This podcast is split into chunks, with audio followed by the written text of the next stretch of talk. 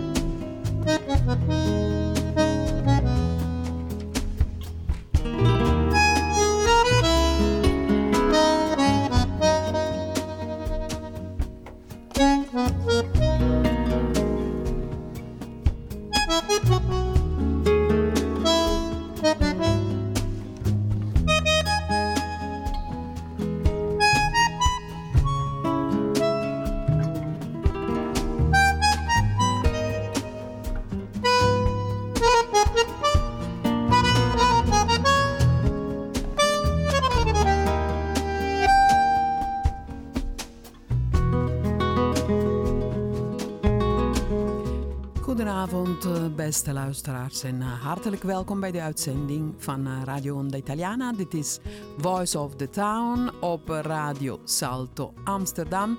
Ieder woensdagavond van 8 tot 9 met Silvia Terribili. En vanavond hebben wij in de studio een interview met Peter Borger. Peter Borger, hij is moleculair bioloog en werkte als onderzoeker aan de universiteiten van Sydney, Basel en Zurich. Hij is verbonden aan de Duitse Vereniging Wort und Wissen. En vanavond gaan we het hebben over de mRNA-vaccins tegen COVID. Heel actueel onderwerp. We praten vanavond met een wetenschapper, met iemand die echt deskundig is op dit terrein. Dus uh, het wordt een heel interessante aflevering. Peter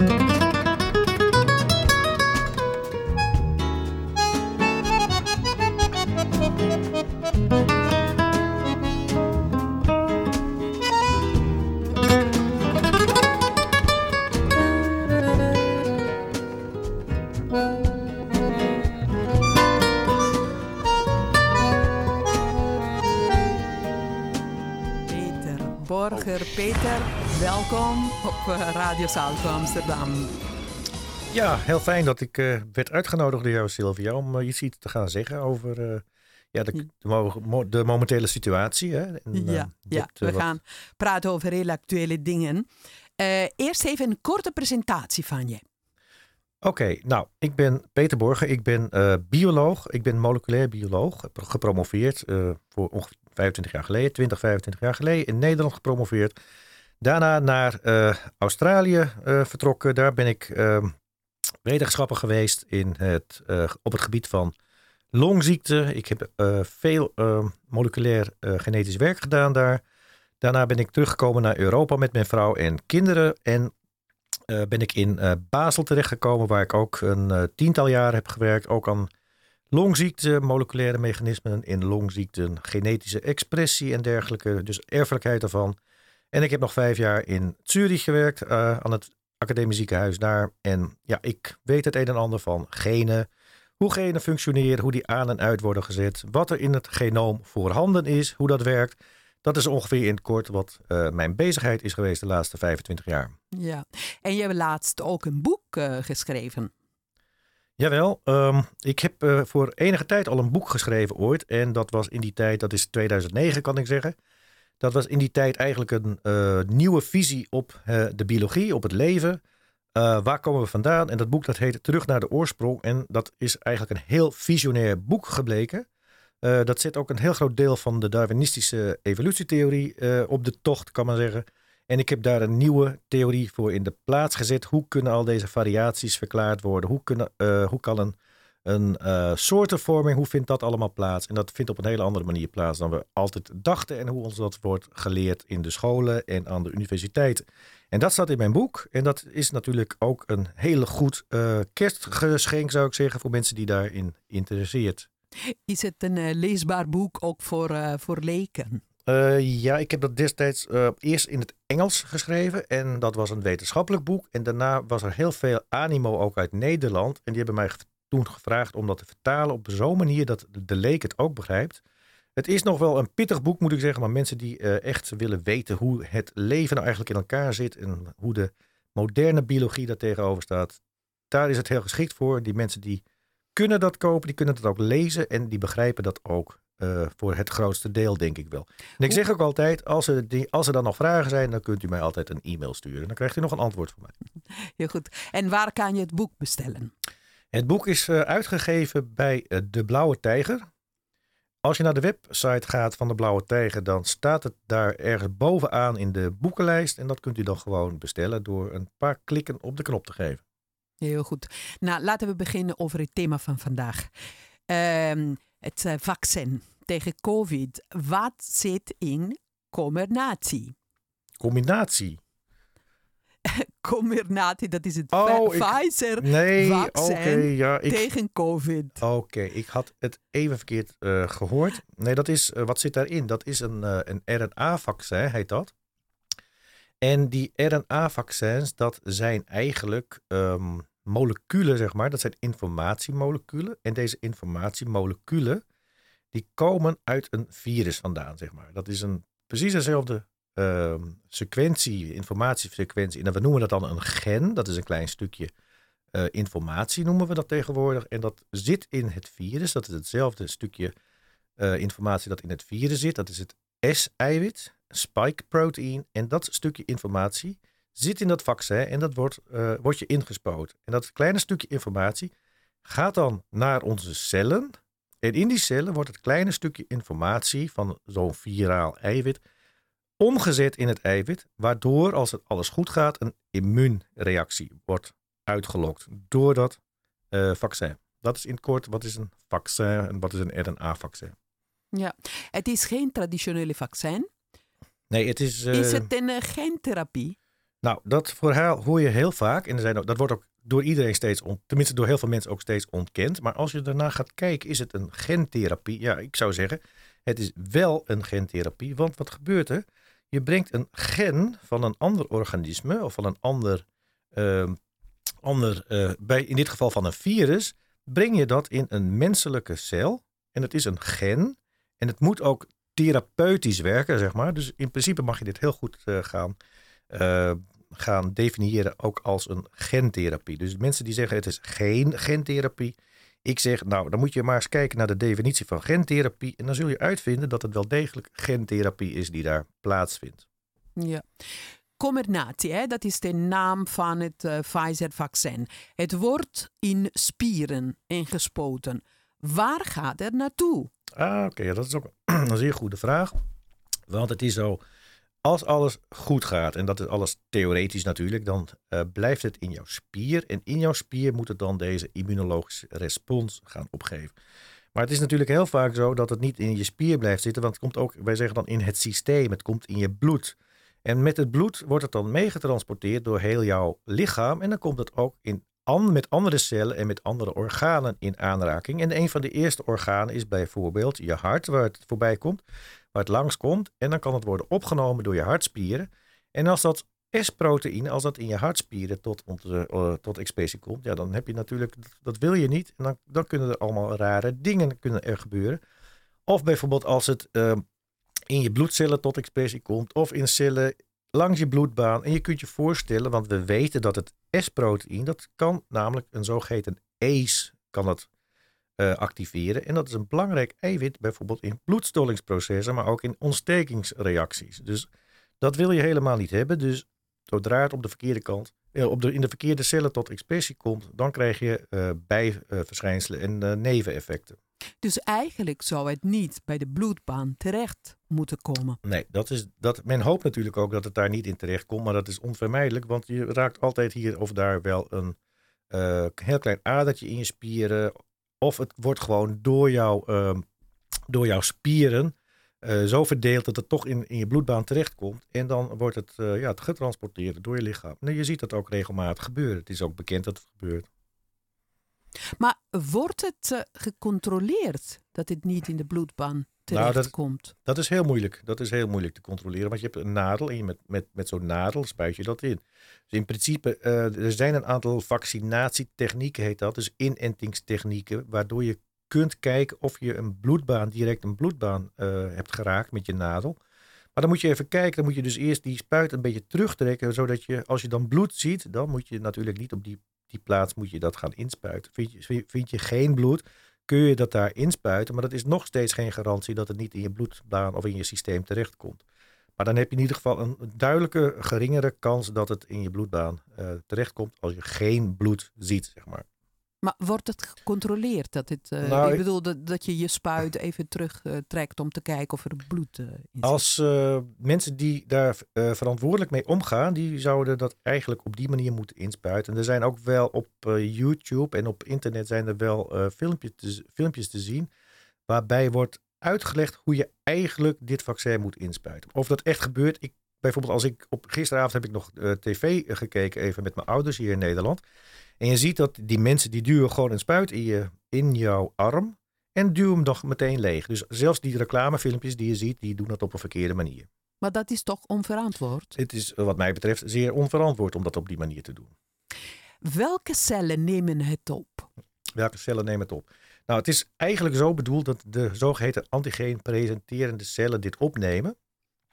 En dat zijn cellen die uh, normaal gesproken uh, immuuncellen zijn en die een belangrijke rol spelen in het aanbieden zeg maar, van, het, van het eiwit aan andere immuuncellen. Die zouden dat moeten opnemen. En die processen ook zo'n uh, eiwit wat wordt aangemaakt. En processen betekent, we breken dat af in kleine stukjes en zetten het dan op de celmembraan van deze zogeheten APC, deze antigen presenterende cel. En die geeft het dan verder aan T-cellen en aan B-cellen. En die kunnen dan een hele specifieke respons kunnen zij opwekken. En B-cellen, dat weten we denk ik allemaal, die, die geven dan zo'n antilichaamrespons. Maar T-cellen die herkennen dat dan ook en die geven dan een andere immunologische respons die ook zeer belangrijk is bij het uh, bevechten van virussen. Ja. Waarom wordt het vaccin ingekapseld in lipide nanodeeltjes? Oké, dat is ook belangrijk dat, ze dat, uh, dat dat gebeurt. Want die uh, lipide nanodeeltjes die zijn, die zorgen er ten eerste voor dat het RNA-molecuul wat daar binnen zich bevindt en wat het vaccin is, dat dat beschermd blijft. Want die RNA's die kunnen ook worden afgebroken anders. Dus die beschermen die RNA-moleculen. Maar het tweede waarvoor ze natuurlijk belangrijk zijn, deze lipide uh, membraantjes, is dat ze met de cel waarin ze bedoeld zijn, met de celwand, of met de celmembraan moet ik zeggen, dat ze daarmee versmelten, zodat dit vaccin in de cel kan komen. Dus het is eigenlijk, heeft eigenlijk twee functies. En lipide nanodeeltjes, dat, dat zijn vetdeeltjes. ja, Het zijn, uh, het zijn hele, je kan, kan zeggen, het zijn hele kleine vetbolletjes waarbinnen dan dat, dat RNA-vaccin zich bevindt. Hm. En wat voor stoffen zitten erin? Is het bekend? Wat voor stoffen daarin zitten? Uh, in die lipide. Nou ja, dat, dat, dat zijn dus lipiden, dat zijn dus vetmoleculen zijn dat. En die heb je nodig om ook je cellen binnen te dringen. Want je membraan bestaat ook uit vetmoleculen. En vet, dat zoekt graag ander vet op. En op die manier gaan ze met elkaar versmelten. En dan worden ze geleegd in de cel, zeg maar, aan de andere kant van het membraan. En de membraan kun je je voorstellen is een barrière of een muur. Dus die muur in die cel, die moet doorbroken worden. En dat doe je met zo'n lipide vesikeltje of lipide bolletje. Ja, dus normaal zou een, een cel zo'n RNA tegenhouden. Ja, die zou er eh, niet in komen. Daar heb je een barrière en uh, alle moleculen, zeg maar, die een cel in moeten, dat wordt altijd heel erg streng gecontroleerd. En um, met zo'n bolletje, uh, met zo'n vetbolletje, ga je dat controlemechanisme natuurlijk uh, omzeil je. En op die manier breng je dat op een kunstmatige wijze in je cel. Dat is dus een paard van Troje. Het is een soort paard van Troje, kun je zeggen. Ja. ja. Worden er extreem veel RNA's aangemaakt? U bedoelt uh, vanuit dit vaccin? Vanuit dit vaccin, ja. Uh, nou, dus is deze techniek die we, of deze technologie die we op dit moment gebruiken, dat is een techniek waarbij dat RNA zelf niet kan worden vermenigvuldigd, maar waarvan af heel veel eiwitten kunnen worden geschreven. Dus je, het is eigenlijk, je kunt je voorstellen, wat is nou precies een RNA-molecuul? Dan moet je je zo voorstellen um, dat het een, een handleiding is. Een handleiding om een bepaald werktuig te maken. En in dit geval is het de handleiding van een virus-eiwit, waarmee een virus een cel kan binnenkomen. Dus dat is dat S-eiwit. Dus het is een handleiding. En die handleiding, die, als die in de cel is, dan komt daar een, een cellulair mechanisme. Die kan deze handleiding lezen. En die maakt er dan een eiwit van. En die maakt er dan precies dat virale eiwit van. Wat een deur kan openen in een cel. Nou, dat is wat er eigenlijk gebeurt. Maar hoeveel RNA's worden ingespoten?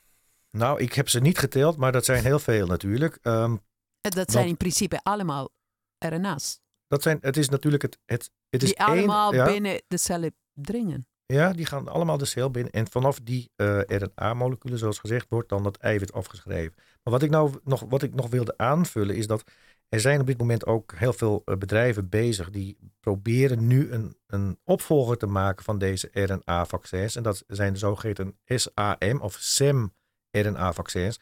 En die kunnen zich wel vermenigvuldigen in de cel. Dus dan heb je nog een stap verder. Dan hoef je heel weinig RNA in je cellen binnen te brengen, maar die vermenigvuldigen zich dan zelf. Ja, maar we weten niet hoeveel van die lipide nanodeeltjes ingespoten worden met één spuit, zeg maar. Hoeveel krijg je binnen? Weten we dat? Dat weet, nou, dat kun je wel een beetje berekenen, maar dat is meestal uh, genoeg om een aantal van, uh, van deze cellen uh, binnen te dringen, waardoor die cellen dan ook dat eiwit van dat virus gaan aanmaken, waardoor een immuunrespons wordt opgewekt. Natuurlijk in samenhang met bepaalde immuunboosters die ook nog worden toegevoegd aan deze vaccins. Ja. Wanneer stopt uh, het vaccin met het produceren van, uh, van de spijkeiwitten? Ja, precies. Dat vind ik ook een goede vraag. Dat is ook, uh, is ook, daar is wel enige onderzoek naar verricht ook, enig wetenschappelijk onderzoek. En je ziet dat het op, het is zo dat RNA-vaccin zelf is gestabiliseerd, heet dat. Het is niet gewoon het normale, natuurlijk voorkomende RNA. Nee, ze hebben daar nog een extra stof een beetje in veranderd. Een van die, van die letters waarmee dat waarmee dat uh, molecuul wordt geschreven. Een van die van, ja, letters kunnen we, dat, kunnen we dat noemen. Die hebben ze gestabiliseerd zodat het niet snel wordt afgebroken. En dat heet, een, uh, dat heet stabilisatie van je RNA. Dus dan blijft het langer aanwezig in je systeem, dus in je bloed of in je cellen, zodat het niet snel wordt afgebroken. En het is dan heel belangrijk wat gebeurt er, want uh, normaal gesproken wordt een RNA vrij snel afgebroken. Dat is een kwestie van een paar uren tot een, een dag meestal. Dan zijn die RNA's verdwenen. Maar als het stabiliseert, is het natuurlijk langer aanwezig. En het is ook zo, eh, waar blijft het RNA? Is het mogelijk bijvoorbeeld dat zo'n RNA wordt omgezet in een DNA en dan teruggaat naar je eigen DNA? En dan blijft het natuurlijk voor altijd in je systeem zitten, in je cellen zitten. Nou, dat wil je niet. En er zijn enige aanwijzingen dat dat toch kan gebeuren. Dat zo'n RNA ook weer terug eh, kan worden vertaald in een DNA en dan in je in je um, genoom integreert. Daar zijn, voor, daar zijn uh, aanwijzingen voor, alleen dat werd niet uh, bestudeerd door de producenten van deze vaccins, of dat daadwerkelijk ook gebeurt. Maar uh, het is vreemd dat dit niet bestudeerd wordt. Ja, dat is zeer vreemd. Het is natuurlijk zo, um, als genoombioloog weet je dat in het genoom bepaalde biochemische mechanismen aanwezig zijn die een RNA terug kunnen zetten in je DNA.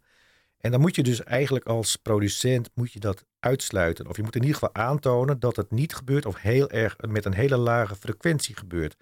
Dat zou je als wetenschapper graag willen weten. En dat is überhaupt, daar hebben we helemaal geen literatuur over. Dat is helemaal niet bestudeerd, maar men gaat er gewoon van uit dat het niet gebeurt. En ik heb heel veel mensen gevraagd, uh, ook politici, ik heb wetenschappers gevraagd, ik heb farmaceuten gevraagd.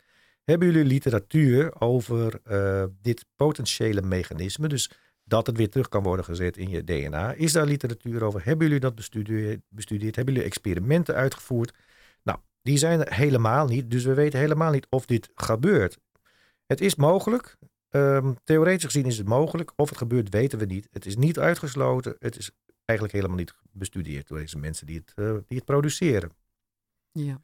Dit is heel erg behanstigend, moet ik, ik zeggen. Vind dat, eh, dat vind ik natuurlijk, dat is een absoluut, um, ik zeg altijd pseudo-wetenschappelijke uh, gebeuren wat er plaatsvindt. Want dat moet je, als jij een hele bevolking wilt gaan inenten met een, bepaald, een bepaalde nieuwe technologie, dan zul je toch dat soort dingen moeten gaan uitsluiten. Of je moet daar in ieder geval zicht op hebben hoeveel en of dat gebeurt en hoeveel, hoe vaak dat gebeurt.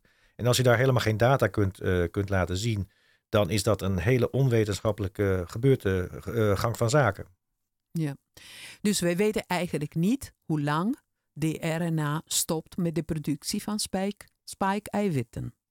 Um, nou, we weten, dat, we, we weten het niet echt. Nee, we weten het niet echt. Nee. De spike-eiwitten zijn zelf verantwoordelijk voor de aantasting van organen.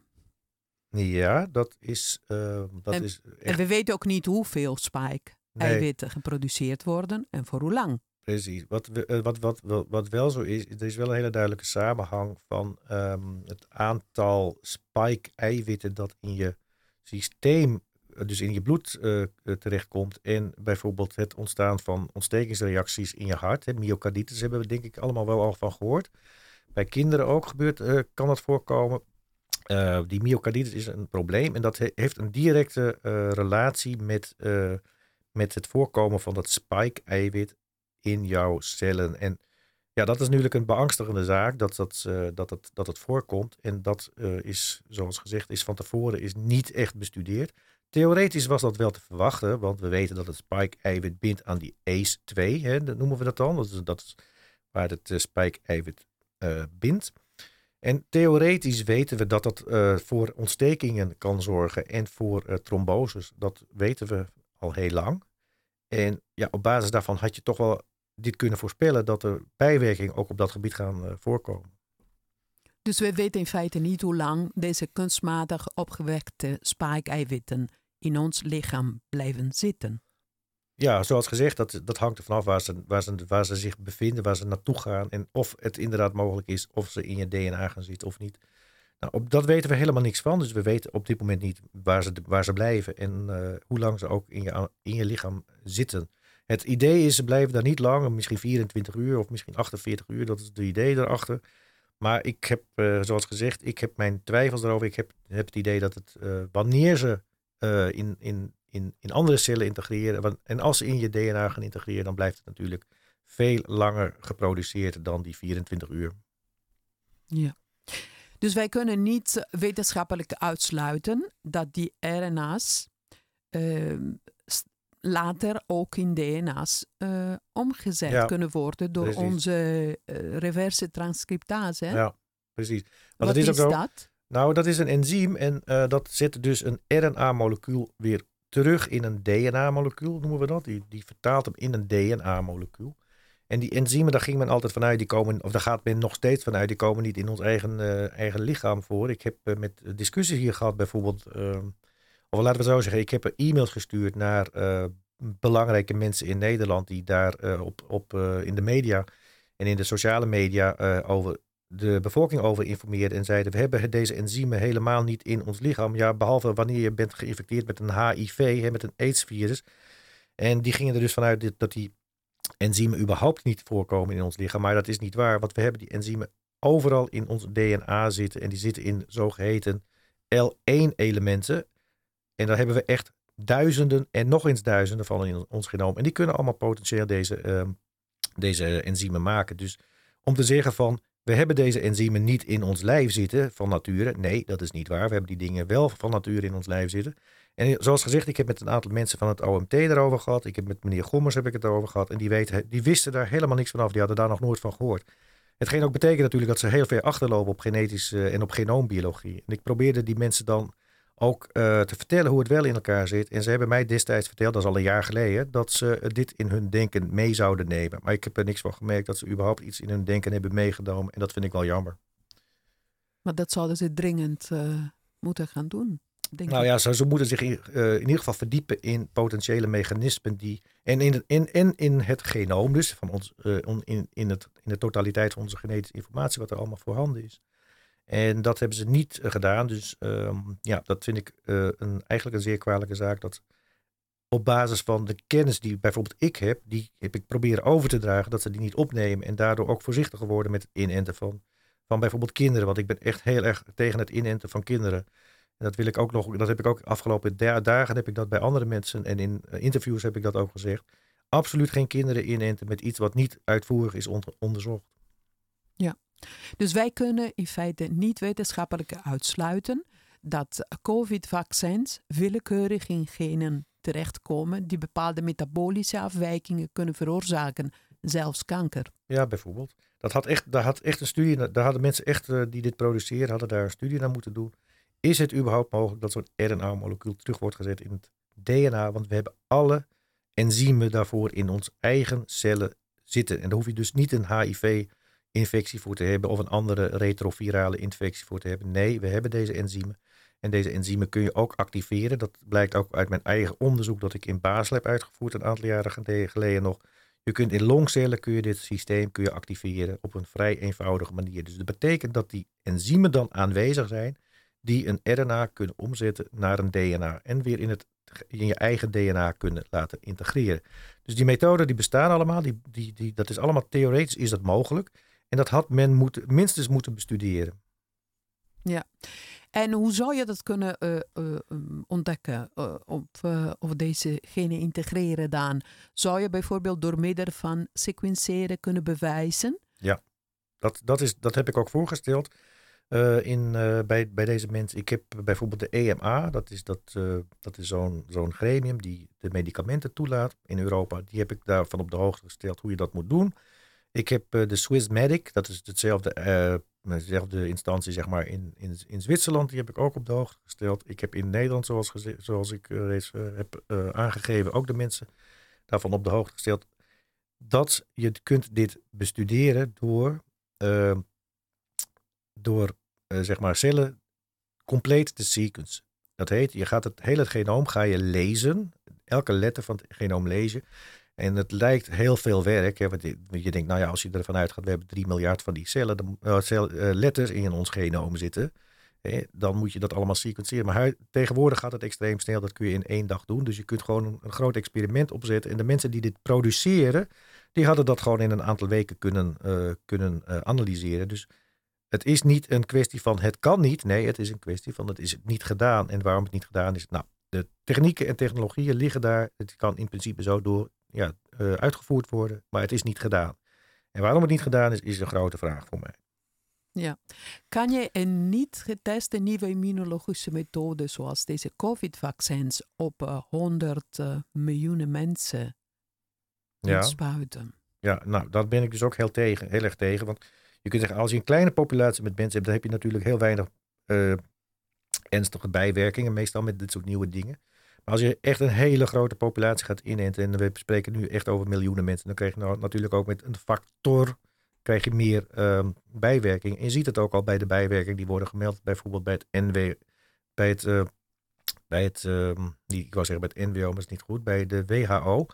Uh, daar zie je al uh, enige miljoenen ehm, bijwerkingen wereldwijd. Waaronder ook bijwerkingen die meteen de relatie houden met het integreren in genoom. Dat zijn zogenaamde genetische afwijkingen. Dus je ziet ze toch al ontstaan nu. Ja. Kan je de inname van COVID-vaccins verplichten? Nou, ik ben daar heel erg op tegen.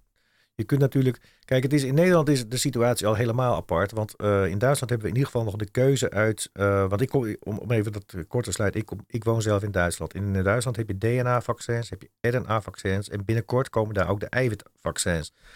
Dus als je dan gaat zeggen, oh, uh, we gaan nu uh, verplicht stellen dat iedereen gevaccineerd moet worden, dan moet je deze mensen op zijn minst een keuze aanbieden tussen een RNA, een DNA en een eiwitvaccin. En je moet ook uitleggen wat de verschillen ervan zijn en wat de potentiële gevaren ervan zijn.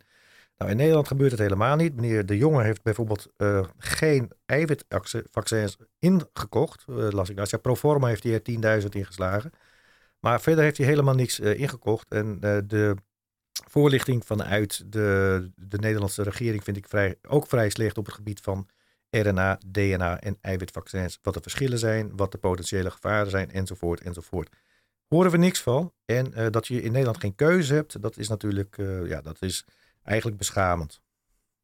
Heb je een, uh, ben je in gesprek met andere collega's die, die een vergelijkbare cv hebben zoals jij over deze, deze vragen? Ja, Kijk, mensen die, uh, die echt kennis hebben van het genoom, dus de genoombiologen, zeg, zeg maar, die weten ook dat inderdaad die dingen die ik heb, voorgesteld of als potentiële gevaren zie, die onderschrijven die. De meesten zeggen wel, ja, waarschijnlijk valt het wel iets mee. En ik zeg ook, waarschijnlijk valt het wel iets mee. En ik hoop dat het een beetje meevalt ook. Maar de data liggen er niet. En dat zijn ze ook met me eens. Die data zijn er gewoon niet. En die data zouden we eigenlijk wel moeten hebben. Want ja, als we dit allemaal op een wetenschappelijke manier willen aangaan, deze hele situatie, dan moeten we die data hebben. Dan kunnen we de mensen op een eerlijke manier voorlichten. Ja. Peter, ik dank je van harte. Ik vond het heel duidelijk en eigenlijk heel ernstig. Ik hoop dat er een, echt een debat, een open debat in Nederland en in Europa hierover plaatsvindt. En zeker dat vaccins totdat zekerheid is over de effecten en over de werking. En uh, totdat die zekerheid er is, dan vind ik dat je dat absoluut niet mag verplichten. Nee, daar ben ik helemaal, helemaal met je eens, Sylvia. Ik ben echt uh, ook uh, zo iemand die zegt, we moeten de mensen op een eerlijke manier voorlichten. Daarom heb ik ook dat boek geschreven waar ik een aantal dingen uh, ook aan de kaak stel die tegenwoordig ook gewoon maar als waarheid worden overal geponeerd en neergelegd. Ik heb gezegd, oké, er zijn hele andere dingen die ook nog een rol spelen. Daar moeten we ook naar kijken. Ik heb bijvoorbeeld ook, dat is ook misschien nog even leuk voor de luisteraars. Ik heb in het boek beschrijf ik ook een aantal manieren waarop virussen kunnen ontstaan en wat je er dan aan zou kunnen doen om dat te voorkomen. Dus ja, het is een, uh, het is een, het is een, een heel open gebied ook. Het is ook een heel nieuw gebied. Maar ik probeer dat toch zo te beschrijven op een manier dat de mensen dat kunnen begrijpen. Het is enorm interessant. En als laatste, een kerstcadeau. Uh, wat is de titel van het boek? Nog een keer? Uh, de titel van het boek is Terug naar de oorsprong. Hartelijk. En het, ja, nogmaals, het is verkrijgbaar bij De Blauwe Tijger. Hartelijk dank, Peter. Heel graag gedaan hoor dat ik hier ben uitgenodigd. Ik, ik, ik ben echt uh, ik ben blij om, om hier te zijn, ook om, om de mensen ook op een eerlijke manier dit soort dingen te kunnen voorlichten. Bedankt.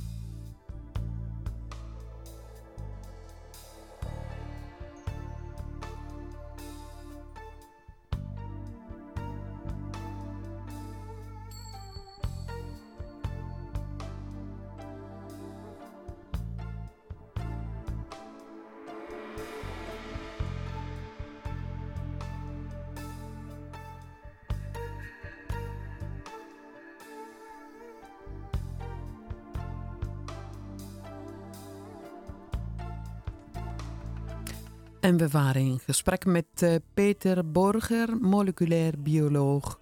Hij werkt als onderzoeker aan de universiteiten van Sydney, Basel en Zurich. en is verbonden aan de Duitse vereniging Word und Wissen.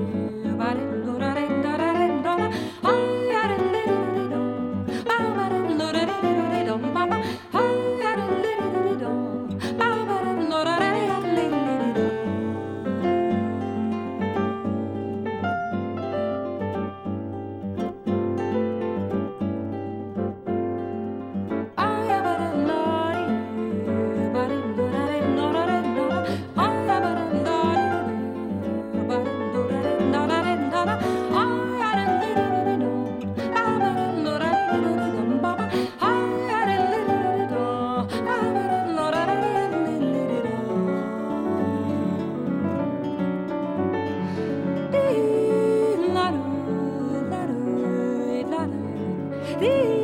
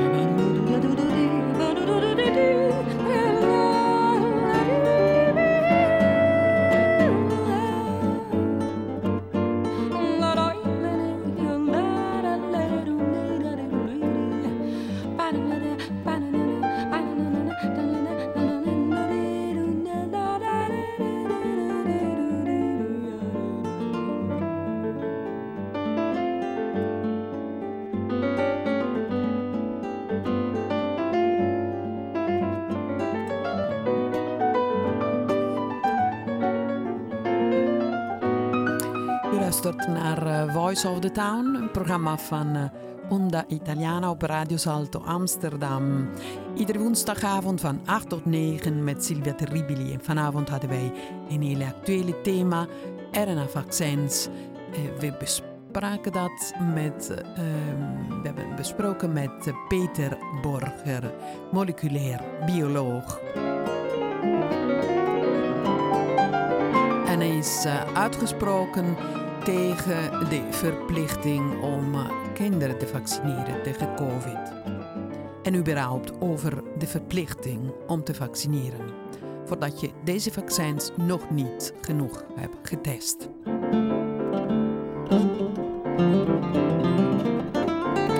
We luisterden naar um, Sarajevo van Vito Ranucci. En we luisteren nu naar Maria Pia De Vito in Renewal. Maria Pia De Vito uh, samen met John Taylor en Ralph Towner.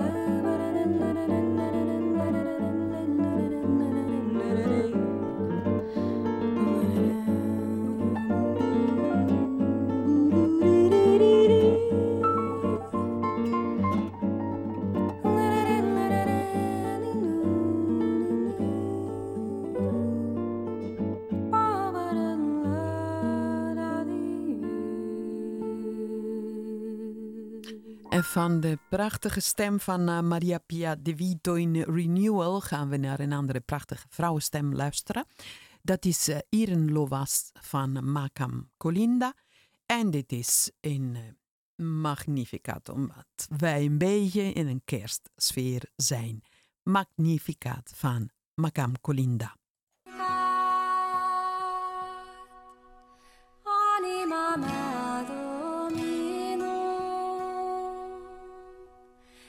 pregzul David, Spiritus meu zâmbeu salutat.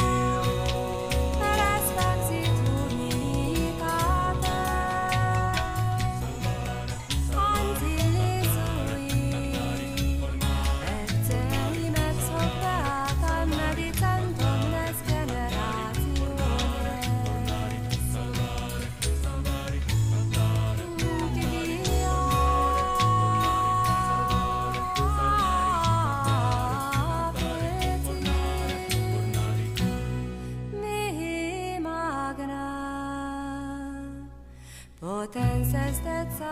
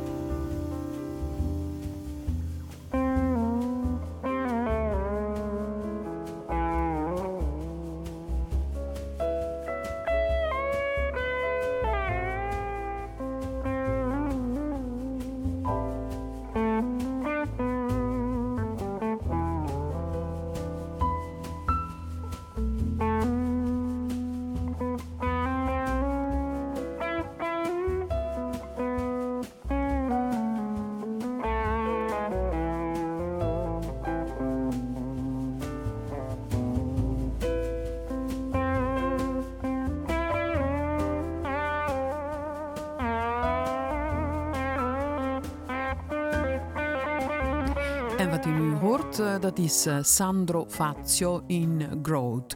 Sandro Fazio is een Italiaanse uh, artiest. Hij woont in Nederland al jaren en deze, dit komt uit zijn album Growth.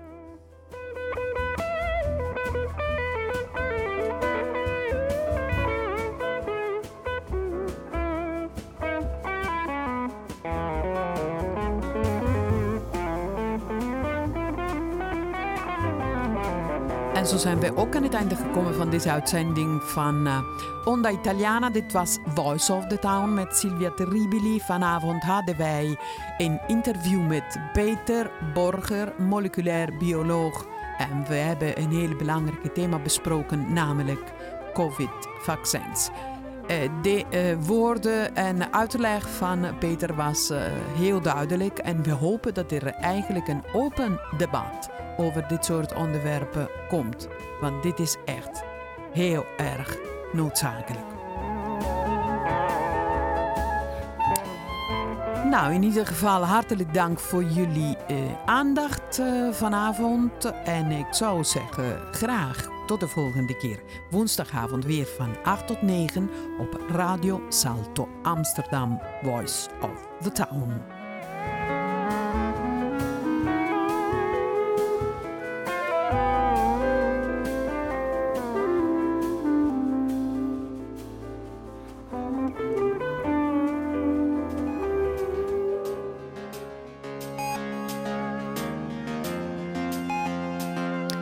Luisterde naar Voice of the Town met Silvia Terribili. Informatie, actualiteit en eigenwijze muziek.